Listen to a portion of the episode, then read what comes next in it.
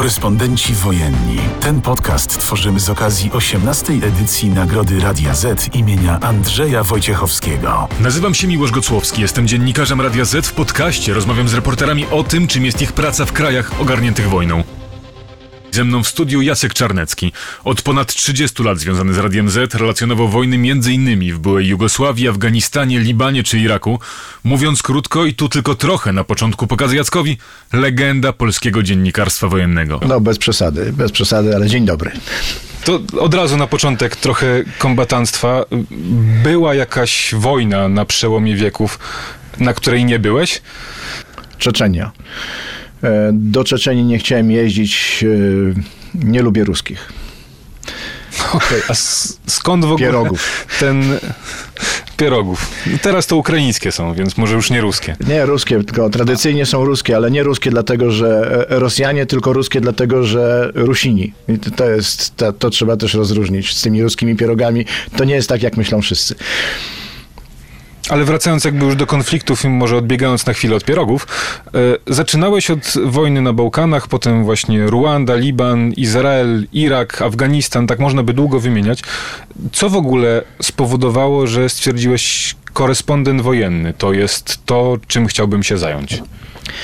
E, zawsze chciałem być żołnierzem i zawsze chciałem... E no właśnie, być żołnierzem. To niekoniecznie jeździć na wojnę, ale mój dziadek mi wytłumaczył, że y, bycie w wojsku w czasie pokoju to strasznie nudne.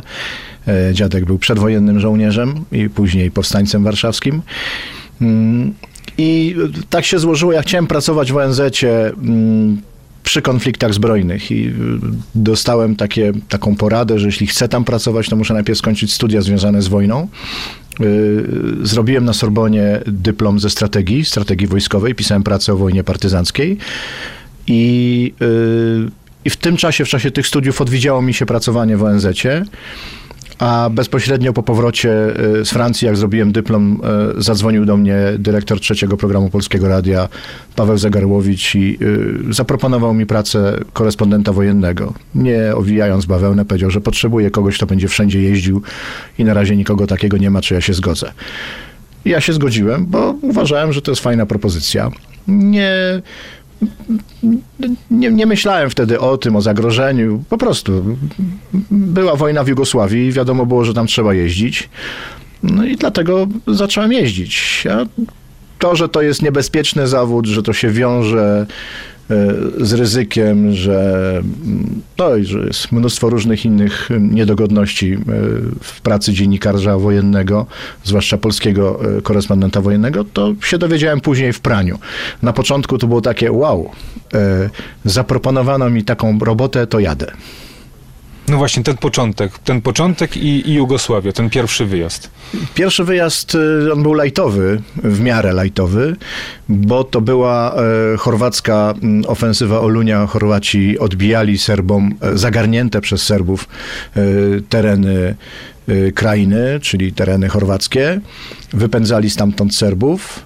E, pamiętamy wszyscy, co wcześniej Serbowie robili i w, na terenie Chorwacji, i w Bośni i Hercegowinie. Tak. Y, więc y, ja pojechałem, był korespondent po stronie chorwackiej, ja pojechałem obsługiwać stronę serbską. Y, to nie była, to nie była taka wojna, jak, jak dzisiaj na przykład jest w, na Ukrainie. To, to, nie była taka wojna, na którą ty jeździsz. No, to był gdzieś tam konflikt. My mogliśmy dojechać, my dziennikarze mogliśmy dojechać tylko do pewnych miejsc, gdzie nas dopuszczała armia serbska, armia jugosłowiańska i no, relacjonowaliśmy głównie to, co się dzieje na tyłach, czyli na przykład uchodźców, jak, jak uciekali z, z krainy, ale ja zrobiłem dużo na przykład materiałów o takiej bezduszności ludzkiej. Pamiętam, jak robiłem materiał o ludziach, którzy y, uciekali y, do swoich dzieci, które mieszkały w Belgradzie, uciekali traktorem, który miał tylko trzy koła E, jak dojechali, to się okazało, że te dzieci nie chcą ich przyjąć do domu, wylądowali w obozie uchodźców i to, byli, to było dwoje staruszków, takich ludzi, no dobrze po sześćdziesiątce którzy po prostu płakali w tym obozie i nie rozumieli, co się, co się w ogóle dzieje, bo tu z jednej strony nie mają domu, w którym mieszkali od zawsze, z drugiej strony dzieci tak jakby się ich wyparły. albo robiłem taką historię o przemycie benzyny przez granicę chyba bułgarską, nie pamiętam.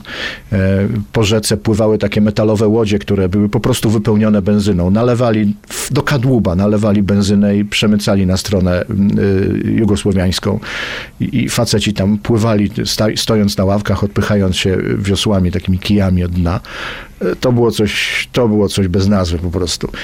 Więc no, to, to była e, to było dość lajtowe. To nie była taka y, wielka wojna, ale dla mnie to było tyle, y, no, pierwsze takie emocjonalne rzeczy, które widziałem, które nagrywałem, które musiałem ogarnąć.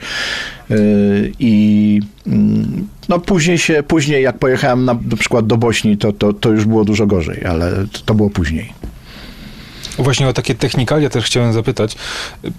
Mówisz, że byliście na tyłach. Właśnie jak to wyglądało w różnych miejscach na świecie? Czy to było relacjonowanie, nie wiem, właśnie z żołnierzami, czy tak jak teraz jest w Ukrainie, że jesteś e, tak naprawdę sam sobie, możesz się poruszać wszędzie? No tyle tylko, że w niektórych miejscach może być mniej lub bardziej niebezpiecznie, do niektórych miejsc może nie dopuścić cię wojsko. To było różnie na różnych wojnach. Ja zawsze starałem się robić materiały o cywilach, o tym, jak wojna wpływa na ich życie, e, po to, żeby pokazać ludziom w Polsce, mm, jak mimo tego, jak w, na przykład wtedy, jak byłem w Jugosławii, i, e, a tu w Polsce były lata 90. i wcale nie było fajnie, e, to żeby pokazać, że jednak tuż obok, w kraju, który jest o dzień drogi od Warszawy, jest naprawdę źle i, i, i sąsiad zabija sąsiada. Mm, I Czyli w Jugosławii to było tak, że mm, jeździliśmy y, po miejscach, tak jak już powiedziałem, znaczy w Jugosławii, w Serbii było tak, że jeździliśmy po miejscach, gdzie mhm. nas dopuszczała armia. Jak później pojechałem do Jugosławii, było bardzo ciężko poruszać się między stronami, bardzo ciężko. Bywało tak, że Serbowie mnie zatrzymywali, zamykali tam. E, dostawałem parę kopów, e, żeby sobie przypomnieć, że e, Polacy, katolicy są źle widziani w tamtym, w tamtych, na tamtych terenach. I ale można się było przemieszczać. To, to nie było, no, raz można było, raz nie można. Na innych wojnach było różnie. No, najgorzej moim zdaniem było w Iraku, bo tam na początku Amerykanie i Brytyjczycy próbowali skanalizować wszystkich dziennikarzy, utrzymać w Kuwejcie, po to, żeby nie relacjonowali wojny. Embedowali sobie pewną e, grupę dziennikarzy Y, embedowali, to znaczy przypisali do jednostek, tak jakby zapisali jako korespondentów wojennych takich regularnych do jednostek pewną grupę dziennikarzy. Czy dziennikarze jeździli z tymi żołnierzami, spali w czołgach. Y, ja byłem wcześniej na mm, ćwiczeniach y, szczurów pustyni brytyjskiej brygady pancernej tutaj w Polsce i właśnie trenowałem z nimi takie bycie, czyli wiem jak to się odbywało, czyli po prostu byłem przypisany do załogi, E, jadłem z tą załogą, spałem tą za, z tą załogą, robiłem kupę z tą załogą, e, byłem na zadaniach bojowych z tą załogą. E, I tak samo było na wojnie w Iraku. Ci dziennikarze byli po prostu przypisani do jakiejś jednostki. Jak byli przypisani do jednostki zmechanizowanej, to jeździli na Bradleyach.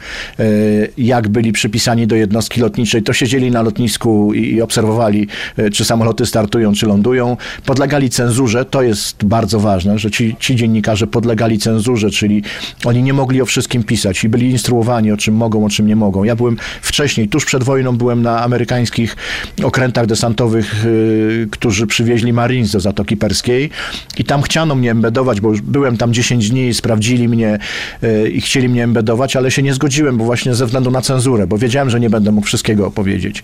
I no i właśnie, słuchaj, przepraszam, że tak wejdę ci w słowo mocno, ale teraz często pojawiają się zarzuty do dziennikarzy polskich, że relacjonując wydarzenia z Ukrainy, właśnie dziennikarze stają po jednej stronie konfliktu, e, że pokazują tak naprawdę to, co chce pokazać strona ukraińska i też jakby naturalnie się e, opisują po tej stronie, która została zaatakowana, e, po tej dobrej stronie. Natomiast jak to było wtedy tam? Wjeżdżasz w konflikt, który tak naprawdę z Polską ma tyle wspólnego, co, co jest, jest tam część polskich żołnierzy. Natomiast jest to, był konflikt dla nas obcy. Nie, teoretycznie przynajmniej, nie, e, nie pokazywaliśmy się po której ze stron. Jak wtedy wyglądały te relacje? Bo mówisz, że tu właśnie była cenzura, jeśli chodzi o stronę, stronę amerykańską. Ale była cenzura dla tych dziennikarzy, którzy byli embedowani, a ja się znalazłem w grupie kilkudziesięciu dziennikarzy, którym się udało przedrzeć, autentycznie przedrzeć przez granicę, która była mocno pilnowana, która była granicę kuwejcko-iracką, która była pilnowana, były zasieki, pola minowe, myśmy przez to przeszli. E, ja, Miłada Jędrysik, wtedy z Gazety Wyborczej e, i żeśmy po prostu zostali tam w tym Iraku i myśmy relacjonowali to, co chcieliśmy relacjonować. Oczywiście, e, jak nas Amerykanie nieraz łapali albo zatrzymywali, chcieli, żebyśmy im pokazali identyfikatory, że my jesteśmy legalnie, no to, to my nie mieliśmy tych identyfikatorów, a były takie różne groźby, odeślemy was, nigdy w życiu do Stanów nie wiedziecie takie tam rzeczy, bo, bo nie jesteście po naszej stronie. A myśmy mówili, że jesteśmy dziennikarzami, żeby spadali. Generalnie nic się nie działo, tam parę rewizji, jakiś, gdzieś tam, no, jakieś takie małe nieprzyjemności były, ale to, to dzisiaj nie, pomijalne zupełnie. Natomiast y, y, wtedy nie było problemu, żeby się po jakiej stronie opowiadać albo nie opowiadać, y, bo y, no, jak chciałem pokazać, że Amerykanie zachowują się jak okupanci w Bagdadzie, to pokazałem. Jak chciałem pokazać, że Brytyjczycy y, wzorowo się zachowywali, jak zdobywali Basrę, opanowali szybko bandytyzm, y, jakiś szaber y, i naprawdę byli wzorowi, to też to powiedziałem. I generalnie interesowali mnie ludzie, to co oni myślą, a ludzie w Iraku nie byli tacy przyjaźni w stosunku do, e, do wojsk alianckich. Od razu na samym początku, po wjeździe, e, zostaliśmy, nasz samochód został obrzucony kamieniami pierwszego dnia e, przez Irakijczyków. Więc o tym też mówiliśmy. Mówiliśmy o tym, że po prostu alianci wchodząc do Iraku mają nie tylko problemy z Saddamem, ale muszą zdobyć serca i umysły Irakijczyków. Brytyjczycy robili to lepiej, Amerykanie robili to kiepsko albo bardzo źle. E, I nie mieliśmy z tym problemu. Ja, e, jak powiedziałem o tym ambasadorowi amerykańskiemu tutaj w Polsce już po powrocie, no to zostałem zbanowany w ambasadzie na, na, na, na jakieś długie lata. Ostatnim razem byłem, jak była pani, e, pani ambasador Mosbacher i to był pierwszy raz od czasów Iraku, kiedy byłem zaproszony do ambasady, więc dosyć długo mnie tam nie było ale no, no takie jest życie. My mówimy prawdę. Ja miałem problem z mówieniem, e, znaczy z opowiadaniem się po jednej stronie, czyli z obiektywizmem. Miałem problemy w Kosowie, bo najpierw byłem całym sercem za Kosowarami, bo byłem tam, jak widziałem, jak, e, jak Serbowie wypędzali z wiosek ludzi, jak niszczyli te wioski. No nie powiem, że widziałem, jak mordowali ludzi, ale widziałem groby ludzi, o których mi mówino, mówiono, że, są, że byli pomordowani, ale widziałem uchodźców w lesie, obozy, dzieci, które były w leśnych szkołach i się uczyły gdzieś w górach. Więc byłem po stronie, y, byłem po stronie y, Albańczyków, ale później jak się odwróciła karta i wojska y, NATO weszły do Kosowa i Albańczycy byli wtedy siłą, a Serbowie byli mniejszością, a ludność serbska tam cały czas mieszkała. Nikt, nikt ich mhm. początkowo nie wysiedlił no to przestałem być fanatykiem Albańczyków i, i zacząłem trochę, znaczy zmieniłem zdanie, bo widziałem jak, jak idą młode byczki i na przykład idzie babinka. No, Serbowie wiązali bardzo charakterystycznie, kobiety serbskie wiążą charakterystycznie chustki, tak jak u nas babcie wiązały kiedyś, a Albanki wiązały chustki inaczej. I widać było, która babcia jest Serbką, a która jest Albanką. I podchodzą młodzi y, faceci do takiej y, starszej kobiety i najpierw ją popychają, później upada, zaczynają ją kopać, Uh, zmieniłem po prostu optykę. E, ale właśnie zmieniłem, czyli wróciłem do obiektywizmu. Zacząłem mówić, e, że jednak Albańczycy to też nie do końca. Zrozumiałem, że Albańczycy to też nie do końca samo dobro. A później te wszystkie rządy mafijne, to co tam się działo, te, te, te przemyty jakieś zorganizowane przez stronę rządową, tylko potwierdziło, że, że Albańczycy w Kosowie mm, no, byli też normalni ludzie, dobrzy ludzie, ale zostało, zostało Kosowo w pewnym momencie zdominowane przez złych ludzi, e, którzy nie do końca, e, moim zdaniem, spełniali te wszystkie normy demokracji i praworządności. Więc to było różnie, naprawdę. Y, Ja starałem się zawsze być obiektywny, starałem się zawsze być po stronie słabszego, czyli tak jak teraz rozumiem, jakbym był na Ukrainie, to bym był po stronie słabszego. Ale jakbym był być może w Doniecku, to też bym opowiedział o tym, że y, ukraińskie pociski spadają na bloki cywilów w Doniecku i niszczą też y, cywilne osiedla w Doniecku, bo też tak jest. Tylko tam nie ma niezależnych dziennikarzy po tamtej stronie, bo w Rosji, dlatego nie lubię jeździć do Rosji, nie lubiłem jeździć do Rosji, w Rosji niezależne dziennikarstwo nie może istnieć. Znaczy, jak zaczyna istnieć, to ten dziennikarz ginie, y, coś mu się staje. y, więc, No dlatego tam nie ma relacji y, niezależnych dziennikarzy z Doniecka, czy, czy ze strony separatystów i są tylko niezależne relacje tu z tej strony. No właśnie, jak mówisz o, o tym, że dziennikarze giną i o tym również, jak byliście traktowani, że, że obrzucili was kamieniami. E, jak zachowywała się ludność cywilna podczas tych wszystkich, e, tych wszystkich misji e, i, i czy rzeczywiście było tak, nie wiem, teraz jadę na Ukrainę, są takie miejsca, w których zdejmuję wszystkie oznaczenia pres, bo, bo wiem, że Rosjanie traktują to jak tarczę strzelniczą i widząc dziennikarza specjalnie do niego strzelą, już nie ma e, czegoś takiego, że dziennikarz jest nietykalny.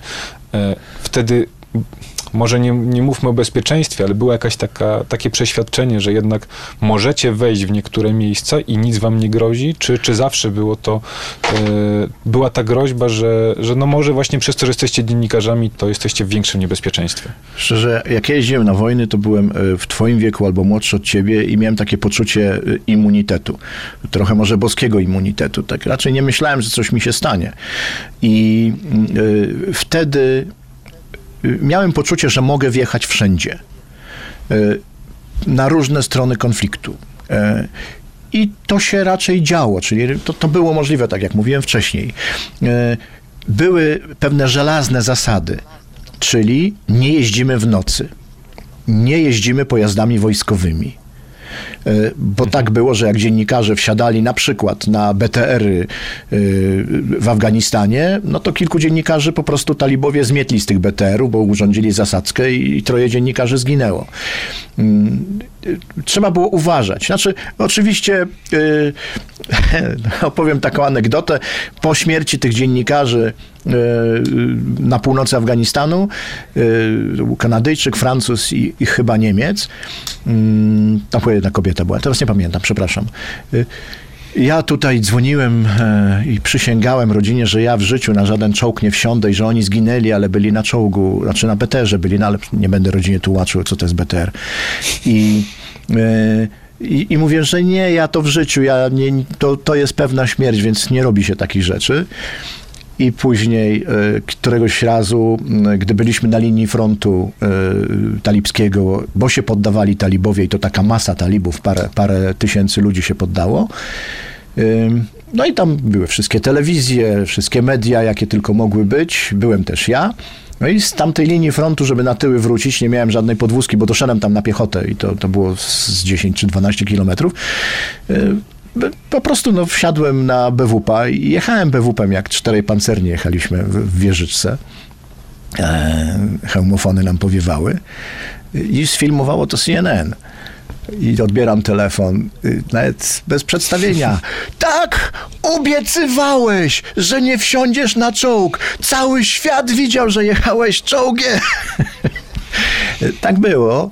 Yy, No ale ja, ja wtedy usprawiedliwiam się dzisiaj i wtedy się usprawiedliwiałem, że to była sytuacja pokojowa, że my wracaliśmy z linii frontu na tyły, że nikt by nas nie zabił. Natomiast yy, ta żelazna zasada, nie jeździmy pojazdami wojskowymi, nie jeździmy w nocy, yy, to była taka zasada. No i były takie momenty, jak była bitwa, no to jak jest, jak strzelają, to, to, to kula może trafić dziennikarza, więc można zginąć. Ale generalnie y, w ciągu dnia dziennikarze, ktoś, kto miał napis press, na samochodzie press, y, był człowiekiem e, raczej nietykalnym, w sensie Oczywiście w Sarajewie strzelano do wszystkich, e, zwłaszcza do dziennikarzy, czy w ogóle w czasie wojny Bośni i Hercegowinie.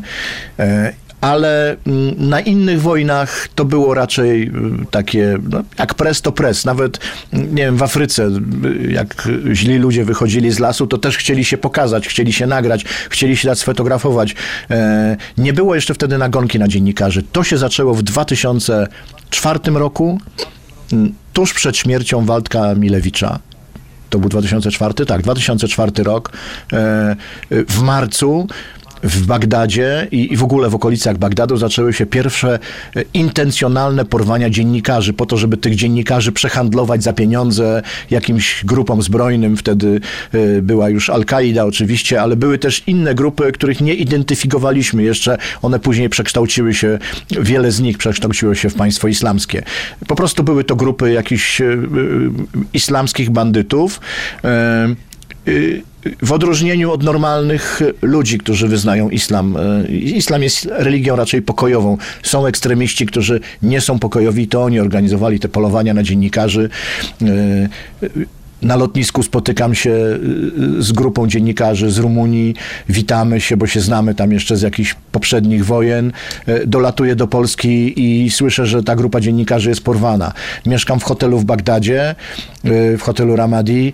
To jest tuż koło hotelu Palestyna, takiego słynnego hotelu, gdzie mieszkali dziennikarze. I obok były tańsze hotele dostępne dla, dla takich jak ja. I w sąsiednim hotelu też mieszkali dziennikarze z Rumunii. Po prostu przyszli bandyci i wyciągnęli wyciągnęli, znaczy wyciągnęli w ogóle tam chyba sześciu dziennikarzy pod kałasznikowami, wywieźli, porwali, no i sprzedali, a później chcieli okupu oczywiście. Więc y, w 2004 roku, w marcu, e, zasady e, pracy dziennikarzy na wojnie diametralnie się zmieniły, zwłaszcza na Bliskim Wschodzie, ale to się później rozszerzyło, bo później Afryka, jak e, Al-Kaida w Afryce, albo teraz państwo islamskie w Afryce działa, tak samo nie przestrzegają immunitetu dziennikarzy, obcinają dziennikarzom głowę i pokazują to później na, na wideo, żeby świat widział, bo to jest terror, oni sieją terror i o to chodzi, żeby przestraszyć świat, a w tej chwili jak się zabije dziennikarza, to ma to 10 e, razy większy e, e, o rozgłos niż zabicie 100 cywilów.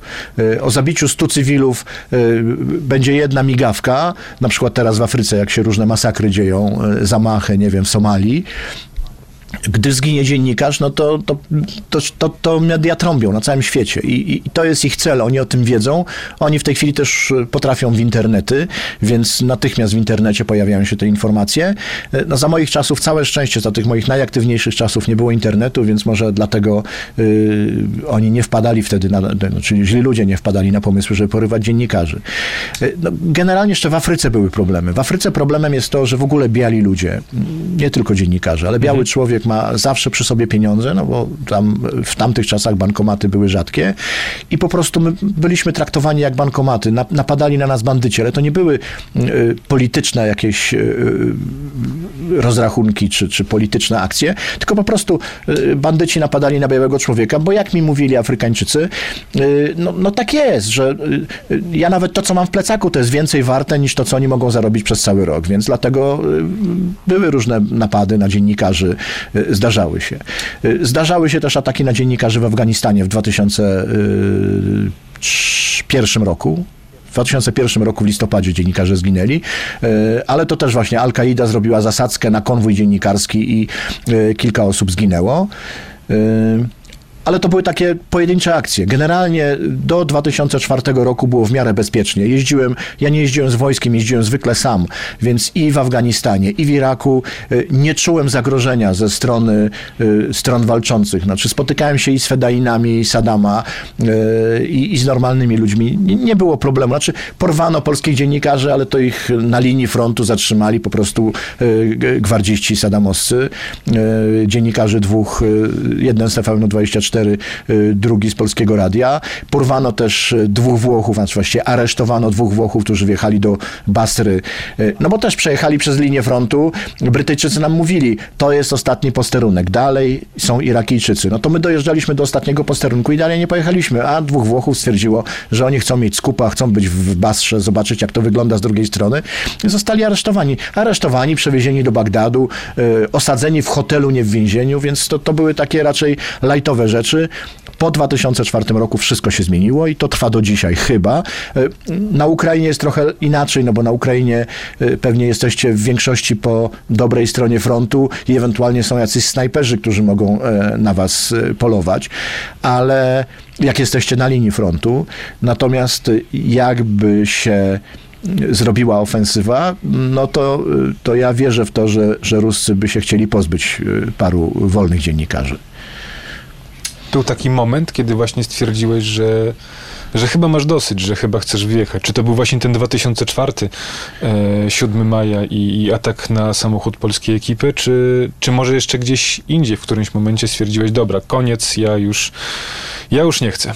Mm, nie, znaczy 7 maja akurat mnie nie było tam. Waldek Milewicz jechał moim samochodem, ale mnie już nie było. Ja parę dni wcześniej wyjechałem i on do mnie zadzwonił, prosił mnie o kontakt na jakiegoś dobrego przewodnika y, w Iraku, więc mu dałem y, numer telefonu Atira, czyli mojego kierowcy i przewodnika, y, który był super człowiekiem i parę razy uratował mi tyłek. Ale przed moim wyjazdem, czyli przed śmiercią Waldka Milewicza, jak zaczęły się porwania dziennikarzy i no, parę rzeczy mnie minęło o włos. O włos. Ja wiedziałem to na przykład. Widziałem palący się samochód dziennikarzy kanału Plus, a byłem 200 metrów od nich. Gdybym podjechał trochę dalej, to bym razem z nimi, y, y, znaczy bym był albo zabity, albo poraniony, bo tam chyba zabili dziennikarza, a operator y, uciekł ranny. No w każdym razie no, było, było gorąco. Jechałem przez tą samą wioskę, koło której zabili Waldka Milewicza, to Atir mi po prostu schował na tylnym siedzeniu, przykrył kocem, żeby mnie ludzie nie widzieli, bo to była mhm. wioska po prostu, gdzie wiadomo było, że są bandyci, że, że mogą mnie zastrzelić albo porwać, chcieć porwać raczej, bo to było raczej głównym celem, porwać dziennikarza i, sprzedać go za 1500 dolarów jakiejś e, islamistycznej, czy Al-Kaidzie, czy innej islamistycznej grupie. Więc e, jak e, wracałem, bo byłem w bazie w Babilonie chyba i wróciłem z tej bazy i zacząłem się bać. Na ulicach przestało być bezpiecznie, ulice się wyludniły, dziennikarzy porywali po prostu, wyciągali z samochodów na ulicy ludzie. Tam kałasznikowów, każdy miał kałasznikowa. Więc y, wtedy się zacząłem bać. Miałem wracać zresztą samochodem, miałem wracać z Bagdadu do Jordanii. Y, poprosiłem o to, żebym mógł zjechać tutaj w redakcji, w Radiu Z. Y, pozwolili mi na zjazd, czyli na powrót. I i się po prostu, jak byłem w Bagdadzie, jak zobaczyłem, co się dzieje, jak, jak zobaczyłem, wiesz, jak wyciągają dziennikarzy z samochodu, to stwierdziłem, że ja nie jadę na kołach, że po prostu nie dojadę do tej, do, mhm. do tej Jordanii. I poprosiłem, że mogę, czy mogę wracać samolotem, żeby mi dali fundusze na, na samolot. Okej, okay, wróciłem, wróciłem samolotem. E, naprawdę się wtedy bałem. Nie wychodziłem chyba 3 czy 4 dni, nie wychodziłem z hotelu. E, jadłem amerykańskie racje. Czekałem na samolot. E, ale wtedy jeszcze nie zrezygnowałem z wojny. Nie, ja z wojny zrezygnowałem, bo obiecałem mojej żonie, że jak e, pojawi się na horyzoncie nasze dziecko, to wtedy przestanę jeździć i przestałem jeździć. To, no, powiedzmy w 2007 roku przestałem na twardo jeździć na wojnę, czyli tak jak zwykle jeździłem, że, e, że, że jeździłem sam, e, gdzieś tam się poruszałem po tym Afganistanie czy Iraku mm, i jeszcze tak do 2011 czy 2012 roku jeździłem mm, no właśnie do baz, takim byłem dziennikarzem bazowym, czyli obsługiwałem polskich żołnierzy, jak były święta w Iraku czy w Afganistanie, trzeba było pojechać pojechać do bazy i zrobić materiały, to to jeszcze jeździłem. Jakieś tam patrole takie lajtowe, ale to już, to już nie była ta wojna, do której byłem przyzwyczajony. To, to już nie było to wyjeżdżanie, e, to, to już nie było ta robota, na którą ty teraz jeździsz na Ukrainę. Mówiłeś o rodzinie, mówiłeś teraz o takiej obietnicy żony, ale ciężko było przekonywać, że słuchaj, kochanie, jeszcze raz pojadę do bazy, tu już nie musisz się o nic martwić, tu będzie spokojnie. E, ja w ogóle tak, moja żona była bardzo wyrozumiała. E, i dokąd nie spadł Tupolew, to mogłem o wszystkim ją przekonać, bo ona mi wierzyła. Jak jej mówiłem, że lecę tylko do bazy i że to jest naj, najbezpieczniejszy samolot świata, nasza Tutka i że y, do Tutki nikt nie strzela, e, to, y, no to nie było problemu. Ale jak Tutka spadła, e, no to już przestało być to takie oczywiste, że, że, że mogę jeździć. Później byłem jeszcze w Czadzie, też tam jak polscy żołnierze tam pojechali. E, no ale tak, to już wtedy wiedziałem, że za długo nie ma co y, przeciągać struny, w sensie rodzinnej struny nie ma co przeciągać. Żona się bała, e, a ja chcę wychować syna i tyle i chcę umrzeć patrząc na mojego syna, a nie gdzieś na jakiś pył jakiejś drogi w Afganistanie czy w Iraku. Żeby było trochę mniej smutno, to zapytam o sprawy techniczne, bo to są takie e, rzeczy, które. To nie jest smutne, wiesz, bo ja żyję. To, jest, e, to nie jest smutne. Ale zabrzmiało tak zniośle, więc żeby wiesz, szybko postawić kropkę i przejść do kolejnego tematu, żona nie będzie przynajmniej ci głowy suszyć. Yy, Słuchaj, jak to wyglądało wtedy? Teraz to jest dość proste. Bierzesz telefon, wysyłasz szybko relacje, mówisz, że przez większość tego czasu, kiedy pracowałeś, nie było takiego internetu, jaki jest teraz. W ogóle nie było e, internetu. Ja no relacje wysyłałem nie... telexem. Wiecie, co to jest? Wiesz, co to jest telex? To jest takie no ogromne no właśnie, pudło, może... jest specjalne łącze i pisze się jak na maszynie do pisania, na takiej taśmie.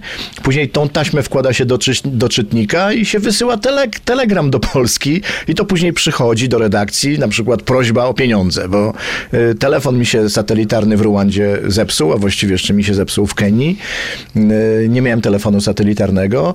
Telefon satelitarny, który wtedy woziłem do Ruandy, czyli przez dobre 4 lata, to był telefon, który ważył około 20 kg. Telefon ważył 20 kg a może nawet więcej. Mieścił się do takiego amerykańskiego worka, no, no, takie amerykańskie worki, jak to amerykańscy żołnierze kiedyś mieli na sprzęt, e, w sensie na prywatne rzeczy.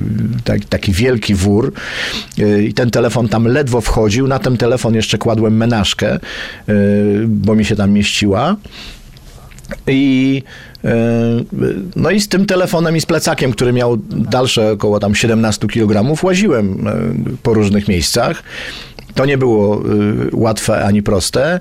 Y, mam gdzieś zdjęcie, jak y, mój telefon stoi na wieżyczce BRDM-a, czyli takiego lekkiego wozu opancerzonego, polskiego BRDM-a w Jugosławii, w, w Bośni jak pierwsze, jak objęliśmy pierwszy posterunek, to właśnie stamtąd nadawałem jakąś relację na żywo właśnie przez ten telefon satelitarny. Później telefony były trochę mniejsze.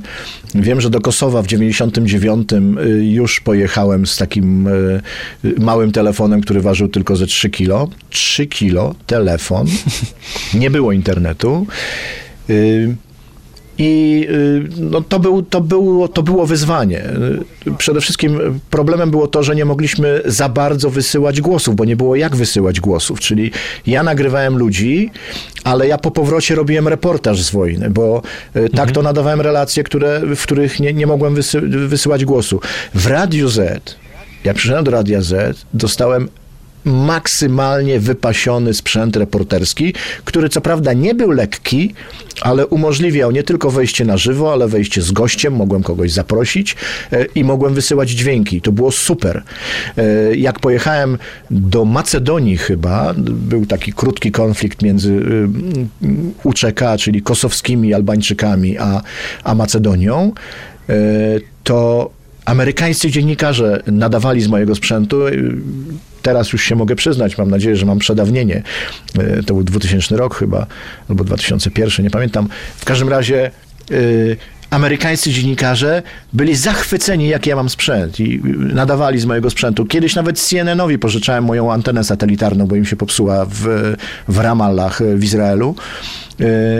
I naprawdę mieliśmy sprzęt na światowym poziomie. No właśnie, moja antena była kompatybilna ze sprzętem e, amerykańskim, który miał CNN, więc e, e, w pewnym momencie to się zmieniło, a, w pewnym, a jak już weszły telefony komórkowe, z których możesz wysyłać dźwięk, no to już w ogóle jest, wiesz, no, jak wszedł internet.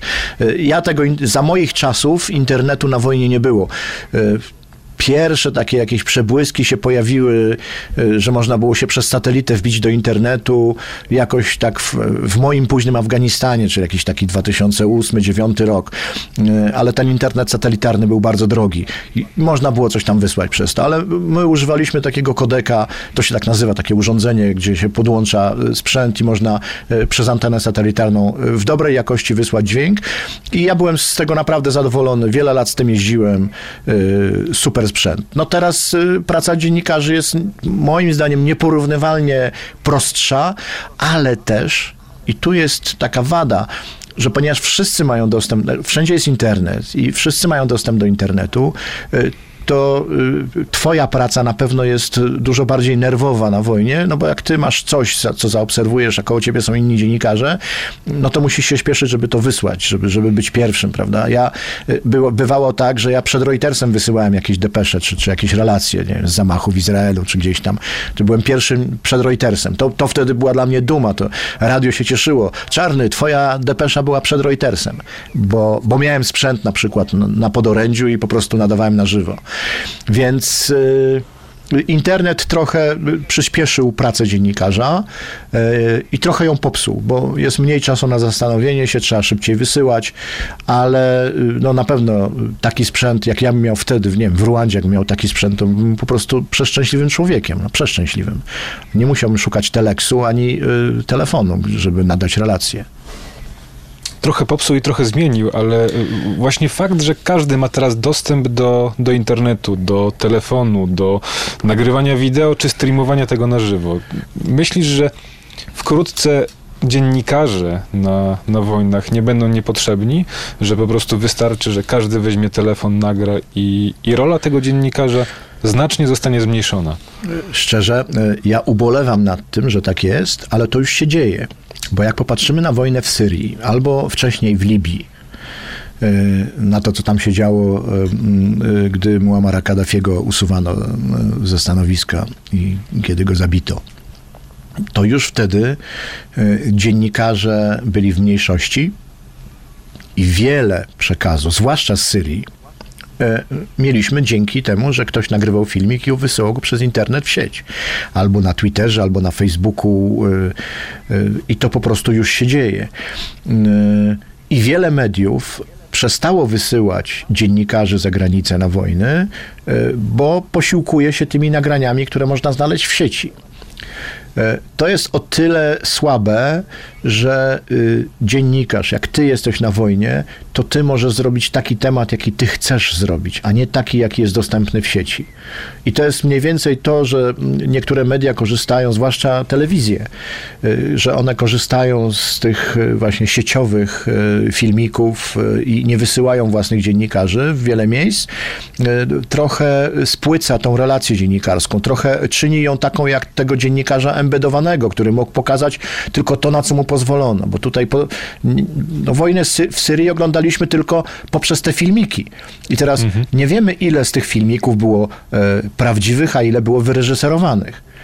Wiemy na przykład, jak e, pamiętamy sytuację, jak chyba na tureckim, nie, na greckim wybrzeżu e, takie nieżywe dziecko było na plaży i to, to był taki viral w ogóle, no, to zrobiło furorę na świecie, a później się okazało, że to było wszystko wyreżyserowane, że to nie była prawda. Tak.